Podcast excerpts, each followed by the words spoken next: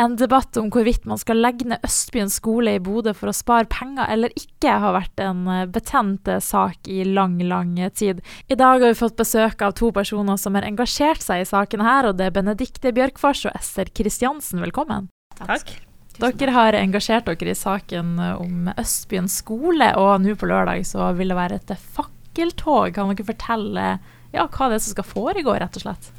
Ja, på lørdag så vil det være et fakkeltog som går fra Østbyen skole klokka ett, med oppmøte klokka eh, ti over halv ett på skolen, hvor vi skal gå da i samla tropp fra Østbyen og ned til Solparken.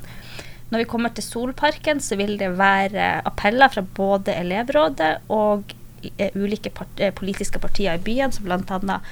Ap, SV, KrF og Rødt. I tillegg vil det også være en sang. Grunnen til at det på en måte skal være et fakkeltog, er jo da at vi ønsker å, at skoler ikke skal nedlegges. Hvor lenge har dere engasjert dere i det her? Det er jo en sak på en måte Jeg flytta jo da til, eh, tilbake til Bodø i 2017 etter å ha bodd elleve år eh, litt ulike steder inn- og utland. Jeg bosatte meg jo da i Østbyen faktisk ene og alene pga. at jeg så at dette var en plass jeg kunne bo, levere ungene mine i barnehage og da skole, og samtidig kunne gå på jobb. Og nå har jo det vært Her blir jo andre runden siden jeg da flytta, at man ser at skoler er trua med å legges ned. Eh, og har på en måte vært engasjert i saken siden eh, i begge da. Pga. at jeg ser på en måte hvor viktig skolen er både for nærmiljøet, men også for Bodø som by. Hva ser dere er de største konsekvensene hvis skolen blir lagt ned? Jeg tenker at det er veldig, mye, at det er veldig store konsekvenser, og at uh, jeg tenker at nedleggelse ikke kan sies å være i samsvar med det som kalles barnets beste. Et prinsipp, et grunnleggende hensyn som skal tas, som følger også av Grunnloven paragraf 104. Eh, og undersøkelsene våre viser at de økonomiske konsekvensene av nedleggelse er mye mindre enn på en måte det politikerne sier. Det vil ikke være en så stor eh, gevinst ved nedleggelse. Og det at nedleggelsen av en barneskole skal redde kommuneøkonomien, det stiller jeg stort spørsmål på. Og en nedleggelse vil føre til store og inngripende konsekvenser for alle barnefamiliene i bydelen. Det vil være tap av en stolt skole med gode klassemiljø, engasjerte lærere i en bydel i vekst. Det er veldig viktig å få med seg. For det er ikke sånn at Østbyen skole får mindre elever. Prognosene som sjøl kommunen har, viser at det kommer til å være ca. 96 brukt kapasitet på Østbyen skole de nærmeste årene. Det vil være tak av lekearealer, for Østbyen skole er så mye mer enn bare i skole. Det er nærområdet, det er lekeområdene til alle ungene i området. Østbyen har ikke andre store kommunale lekeplasser. De har ikke Kvartal 99, de har ikke Maskinisten, de har ikke Breivika. Det er Østbyen skole. Det er der ungene møtes. En nedleggelse av skole vil derved føre til at barna i hele området vil ikke ha et sted å leke. Tenk de at de skal leke på gata. Nei, Det er viktig å få frem dette, for vi har en følelse av at masse av det her er dekt over. Det kommer ikke frem. Det er det her antallet, store antallet med ledige plasser som kommunen hevder at det er. Men det er ikke det på Østbyen. Østbyen som bydel, jeg bor der sjøl. Eh, eh, det er en raus bydel. Vi bor med mange forskjellige nasjonaliteter der.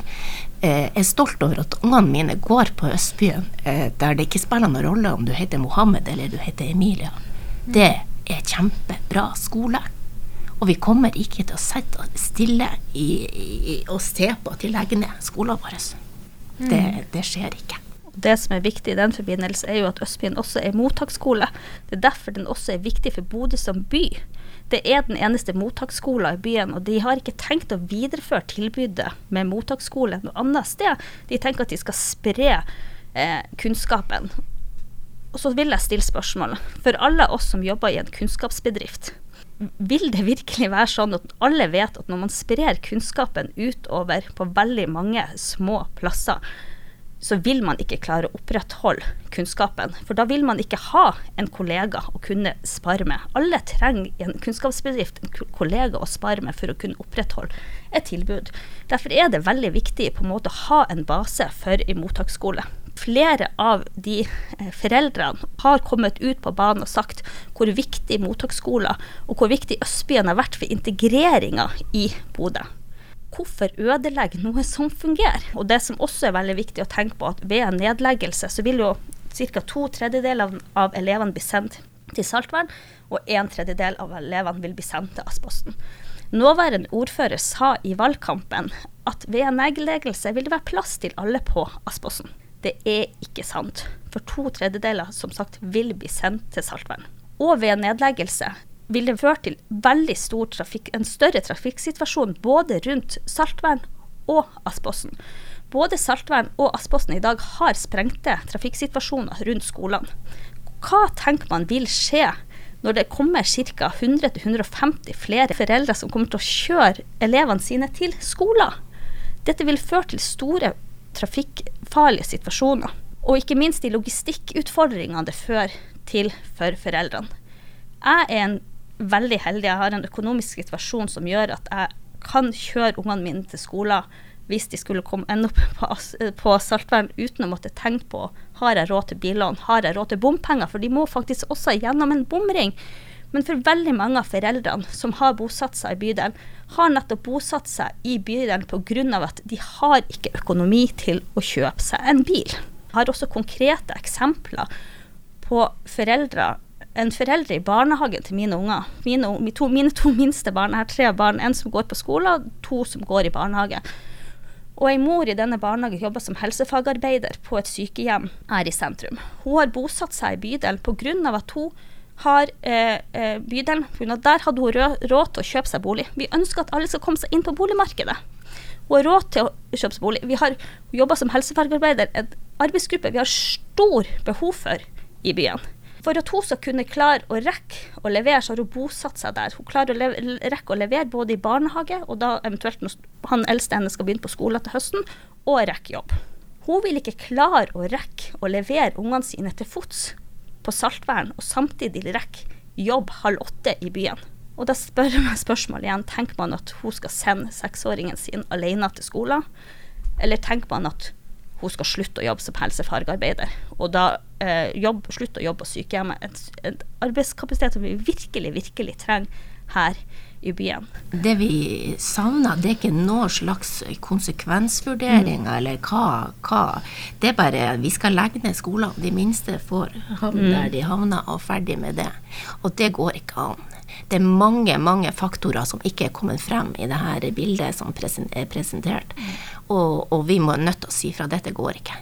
Det, mm. det, det. For det er nettopp det hun Ester sier. Det er ikke foretatt. Det er noe som heter heter ROS-analyse, risiko- og sikkerhetsanalyse, som skal foretas. Det er ikke foretatt en ROS-analyse ved nedleggelsen.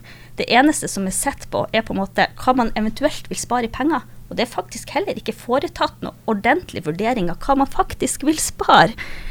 Og det stiller vi spørsmål med. Man skal legge ned noe som grunnleggende som i barneskole, uten at man har tatt en ordentlig vurdering av hva vil gevinsten bli i forhold til hva konsekvensene blir. Og jeg tenker Det å legge ned en, en barneskole er så graverende i utgangspunktet at eh, før man går til sånne tiltak, og spesielt Høyre som er opptatt av utdanning, bare med et pennestrøk skal legge ned det for det passer inn i bildet deres, det er ikke greit. Og som du sier, denne prosessen har jo vart ganske lenge. Har dere følt dere hørt av politikerne? Nei, altså hørt Jeg har jo det her er, Jeg har også tre barn, og nå er det den siste som går, og eh, som jeg håper skal få lov å gå ut på Østbyen. Eh, og denne prosessen har jo vart i mange år. Og, og, og hørt Jeg føler vi egentlig at vi er holdt for narr egentlig. Fordi vi har holdt på i mange år med lovnader om nå skal det gjøres noe, og nå er det deres tur. Og jeg vil jo si det at er, er det greit at ungene våre skal betale for dårlige avgjørelser som kommunen har gjort? Mm. Skal de begynne med å straffe ungene våre for deres egen dårlige eh, veivalg?